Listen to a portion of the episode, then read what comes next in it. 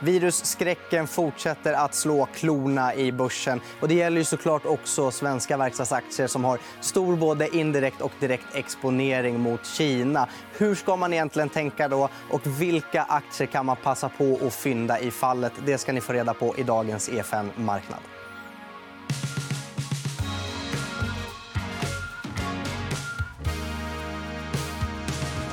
Jaha, men Matilda, jag tänkte att du och jag först skulle ta en liten, liten introduktion till svenska verkstadsaktier och vad som finns och lite att tänka på, på till grunderna. Så att säga. Mm, vi kan väl börja med att kolla på vilka vi har på Stockholmsbörsen. Så här ser de ut. Och vi ser att Trelleborg är i toppen av de som har tappat nu den senaste veckan följt av Alfa Laval, Traton, Saab, Sandvik och Volvo. Men kollar man till ett år tillbaka så är de flesta faktiskt fortfarande på plus. Ja. Och P-talen är också ganska höga. så mm, Värderingarna har ju inte kommit ner ännu särskilt mycket. Nej, det finns kanske fallhöjd kvar då ur värderingssynpunkt. Eh, och sen om man tittar de senaste fem dagarna sen den här coronaskräcken dök upp så eh, är det ju rejält ner. Eller hur? Ja, och Trelleborg håller takten neråt. Och det gör de även om man tittar till tre år tillbaka. De andra bolagen är faktiskt på plus tre års tid. Och det här väcker lite känslor i en. Man tänker, kommer, finns det fyndlägen här? då? Ja, Eller hur? det hoppas vi, vi hoppas vi tar reda på i dagens program. Och varför är verkstad så intressant att prata om då, i de här tiderna? Men för att det är en sån extremt stor del av Stockholmsbörsen.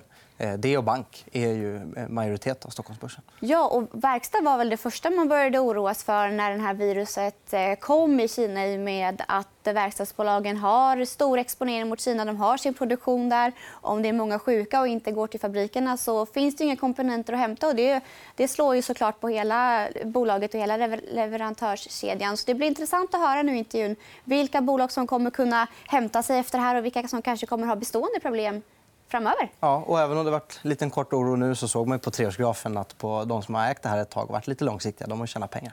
Precis. Mm. Så jag, ska bli... jag tycker det här ska bli väldigt intressant. Så jag tycker vi kör igång intervjun. Vi görs på dagens huvudrätt. Mm.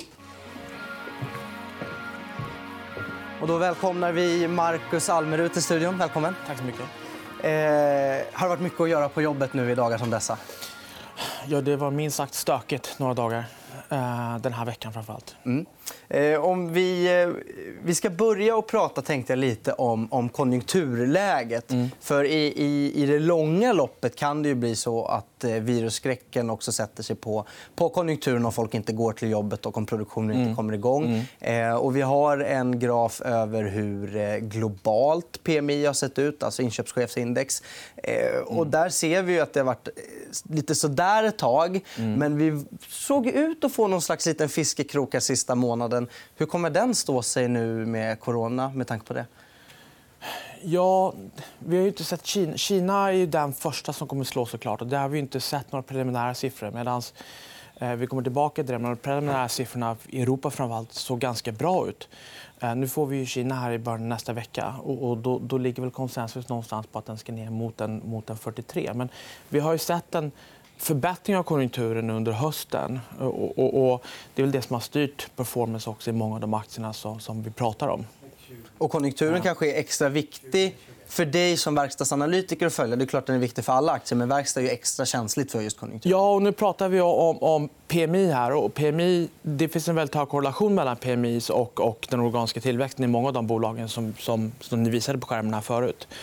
Uh, det som vi kallar för kortcykliskt därför att det, det är en väldigt man har väldigt kort orderbok så man reagerar väldigt, väldigt snabbt mot, mot konjunkturindikatorer och mot konjunkturen. Och därför så blir det väldigt, väldigt viktigt. Och det blir viktiga indikatorer.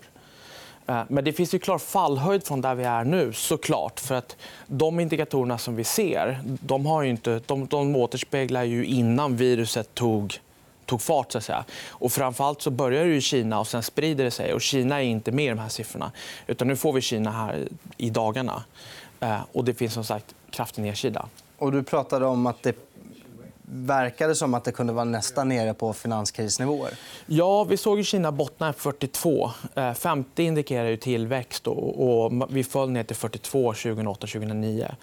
Eh, och, nu ligger konsensus på att vi ska komma in någonstans runt 43. Eh, så vi, får väl se. Men, det är så klar fallhöjd. Och, Vi fick, ju, vi fick bilförsäljningen för de första två månaderna i Kina fick vi förra veckan. Och, och den föll 92% Så att Man sålde 5 000 bilar i hela Kina under de två första veckorna i februari. Och det var ner från 60 000 förra året. Men hur kan tysk PMI komma in så bra om de inte lyckas sälja några bilar till Kina? Ja, det, det finns väl... Det är lite oklart just nu, men jag skulle visa att kanske tyska PMI har kanske inte varit lite för pessimistisk kanske, och därför så kommer den upp. Men sen rider man fortfarande på någon typ av förbättringsvåg och normalisering. fortfarande. Eh, så jag skulle säga att den situationen som vi har idag återspeglas väl inte riktigt. utan De här siffrorna kommer ju komma ner, såklart. Så man kan vänta sig ett litet nedställ där då framöver? Helt. Absolut. Det finns klar fallhöjd från de nivåerna vi är på nu. Oroar det dig som verkstadsanalytiker och för de bolagen du följer? Ja och nej. Ja. Eh, det finns två olika syn. Dels så, dels så är det väldigt oklart och det är väldigt osäkert på hur det här faktiskt kommer att slå på siffrorna.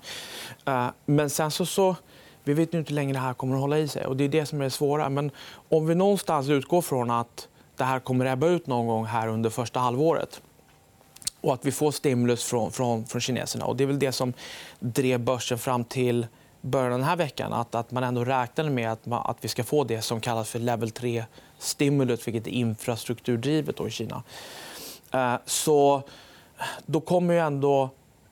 I slutändan så kommer det ändå vara positivt för många av de här bolagen eh, på marginalen att vi får den här stimulusen. Så att vi får ett litet annat svar beroende på om vi tittar de kommande ett två kvartalen och om vi tittar på de kommande 12 18 månaderna. Och den som är långsiktig här är antagligen då vinnaren. för att När pendeln svänger och det kommer starka stimulanser borde det svänga tillbaka ordentligt. Precis.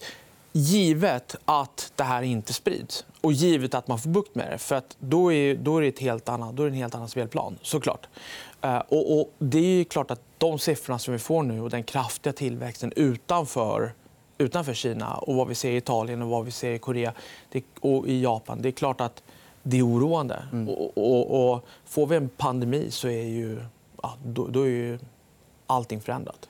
Och det är ju väldigt svårt att veta vart det ska ta vägen. Jag frågade dig igår när vi planerade lite mm. Eh, om, du, mm. om du kunde ge någon, någon vägledning till tittarna om hur man ska tänka med coronan och hur det kommer påverka verkstadsbolagen. Men svaret är kanske tyvärr att det är få som vet exakt hur det kommer påverka. Ja, och det gör också att jag tycker att man, man ska nog inte sälja i panik. Eh, och, och, historien har visat att man inte bör jaga. Framförallt inte när vi har en fritt fall i, på börsen och att marknaden går väldigt, väldigt dåligt. Det, det lönar sig oftast inte att göra det. och falla fångande Ja, alltså, när vi ser kraftiga fall på börsen så, så är det sällan som det, det lönar sig att jaga de fallen. Utan mm. Det är bättre att sitta stilla i båten och bara vänta ut det här. För att det får någon typ av signal vart det här faktiskt är på väg. Det är klart att om, om det här fortsätter, om det fortsätter sprida sig, om vi ser Italien-situationer i, i, fler delar av Europa så är det klart att då kommer det här fortsätta under en längre period. Eh, om folk inte går och handlar så, är det klart att det kommer slå på samtliga ekonomier. Om folk inte går till jobbet, om folk sitter hemma och jobbar, folk går inte till fabriken så är det klart att de ekonomiska konsekvenserna av det blir ganska stora. Om, eh, många, många har ju redan nu prisat in att Q1 kommer inte bli så roliga, alltså ja. första kvartalet. Mm. Men en del eh, forskare jag sett tror att det här pikar någon gång i sommar, viruset. Mm. Mm. Ponera att vi har då två kvartal med sämre försäljning och nedstängda fabriker. Ja. Finns det, är det någonting som kan sätta spår i bolagens eh, liksom, vinstutveckling över en längre tid? Eller finns det några som kan bli skadeskjutna för en lång period och få tufft med omfallning av lån eller såna saker?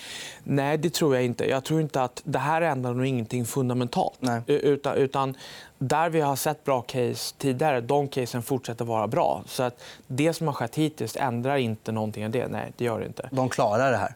De klarar det här. Och sen är det klart att eh, allting det här är ju givet att vi inte får igen en stor spridning på det här och att, att, att vi får en global recession. Det är klart att då, då, då kommer ju allting ändras helt och hållet. Men, men givet att det inte sker och givet att vi får bukt med det fram till, som du säger, till sommaren. Vi trodde under första kvartalet tidigare. Men säg att det blir till sommar så är det, igen, det är ingenting som ändras fundamentalt. här. Utan det som var bra kommer fortsätta vara bra. Så att. Klarar bolagen du följer en global recession? tror du? Jag tror man, man är ganska gott man är i ganska gott skick överlag. Eh, den, den stora, stora skillnaden mot 2009 eh, är att man, balansräkningen är mycket, mycket starkare. Eh, och man är operationellt i ett helt annat skick. Man är mycket mer redo för att möta nedgångar och att, att ställa om bolagen för så att säga, en annan efterfrågan. Så att, svar jag skulle säga att mm. man kommer att ta stryk men jag tror också att man kommer att ta relativt sett mindre stryk än andra delar av världen där man inte har samma... Man är inte lika redo. Mm. Så att de svenska bolagen är generellt sett väldigt hög kvalitet. Eh, och då tänkte jag att vi skulle ta och titta på några av de här bolagen och se hur eh, värderingen ser ut mot historisk mm. värdering. Mm. Eh, ev-ebit tror jag det är, det mm. måttet. Mm. Eh, och, och, och, jag kan tänka mig att det inte hunnit röra sig jättemycket den här rabatten, eller rättare sagt de här, det vi ser här under den här veckan med corona. Mm. Men, men vad, vad är slutsatsen härifrån? Vad, vad, vad som är intressant med den här grafen eh, är att vi det finns en kraftig polarisering. Vi såg en väldigt kraftig polarisering förra året där det som ansågs vara bra kvalitet outperformade det som ansågs vara dålig kvalitet. Och vi såg en premievärdering som blev väldigt, väldigt kraftig. Och den polariseringen är, är, är kanske större än vad jag någonsin har sett tidigare. Uh, och, och det gäller både för performance och värdering. Och det mönstret har lite brutit skulle jag säga, under så säga, första delen av det här året. Att vi ser inte samma typ av... Den trenden fortsätter inte. Uh, och Det tycker jag är rätt intressant. Så att, tittar man på performance year to date. Eh, och, och den, här såg helt, den här såg lite annorlunda ut om man tar bort de senaste dagarna. Mm. Så finns det inget klart mönster här. utan Det är mer det att om man får en bra rapport så går man bra på det. Och det finns liksom inget... Det här kvalitetstänket finns inte där på samma sätt. Så förut kunde det vara betydligt större skillnader mellan det man kanske brukar kalla fin verkstad och övriga? Det var det som var trenden förut, ja, men att den börjar krympa ihop nu? eller? Exakt. Vi har sett vissa bolag, vissa aktier som har gått bra lite oavsett vad de har, så säga, hur rapporterna har sett ut och hur orderingången har kommit in så har man gått väldigt, väldigt bra. Och där har du Epiroc som exempel. va? Epiroc är ett exempel, exempel på ett bolag som är ett fantastiskt bolag med jättehög kvalitet. Best in class på allting de gör. Men där orderingången har varit väldigt skral de senaste par kvartalen. Men där börsen inte tagit hänsyn till det. Utan, utan man har inte diskonterat den dåliga orderingången. Utan man har fortsatt att handla upp aktien. Eh, för att man gillar att ha premierat bolag med väldigt, väldigt hög kvalitet. Eh, jag tror att under 2020 så, så, så kommer bolagsspecifika faktorer vara mycket viktigare. Eh, och där tycker jag bolag som till exempel Sandvik sticker ut eh, där man inte har riktigt fått betalt för de förändringar som Rosengren ändå har gjort under de senaste par åren. Att det är mycket högre kvalitet överlag än vad vi har sett tidigare. Ett annat som sticker ut just av bolagsspecifika skäl eh, Metso som, som kommer merga med, med Outotec här i slutet av juni eh, är det planerat. Där synergierna från den mergen är väldigt, väldigt stora. Där man tjänar i storleksordningen 500 miljoner euro men man, och man kommer se storleksordningen 100 miljoner plus i synergier. Det är klart att oavsett marknad lite så kommer man kunna växa vinsten ganska kraftigt mm. med bakgrund av det.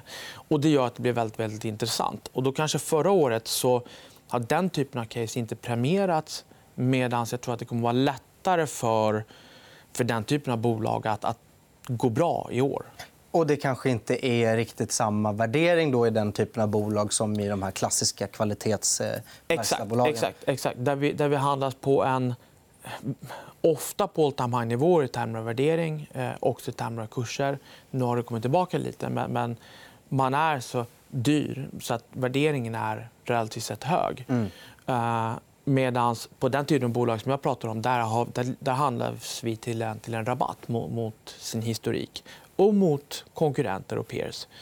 Uh, så att jag tror att den bilden vi såg här med, med, performance där... Tittar jag på, på förra året så gick bolag som...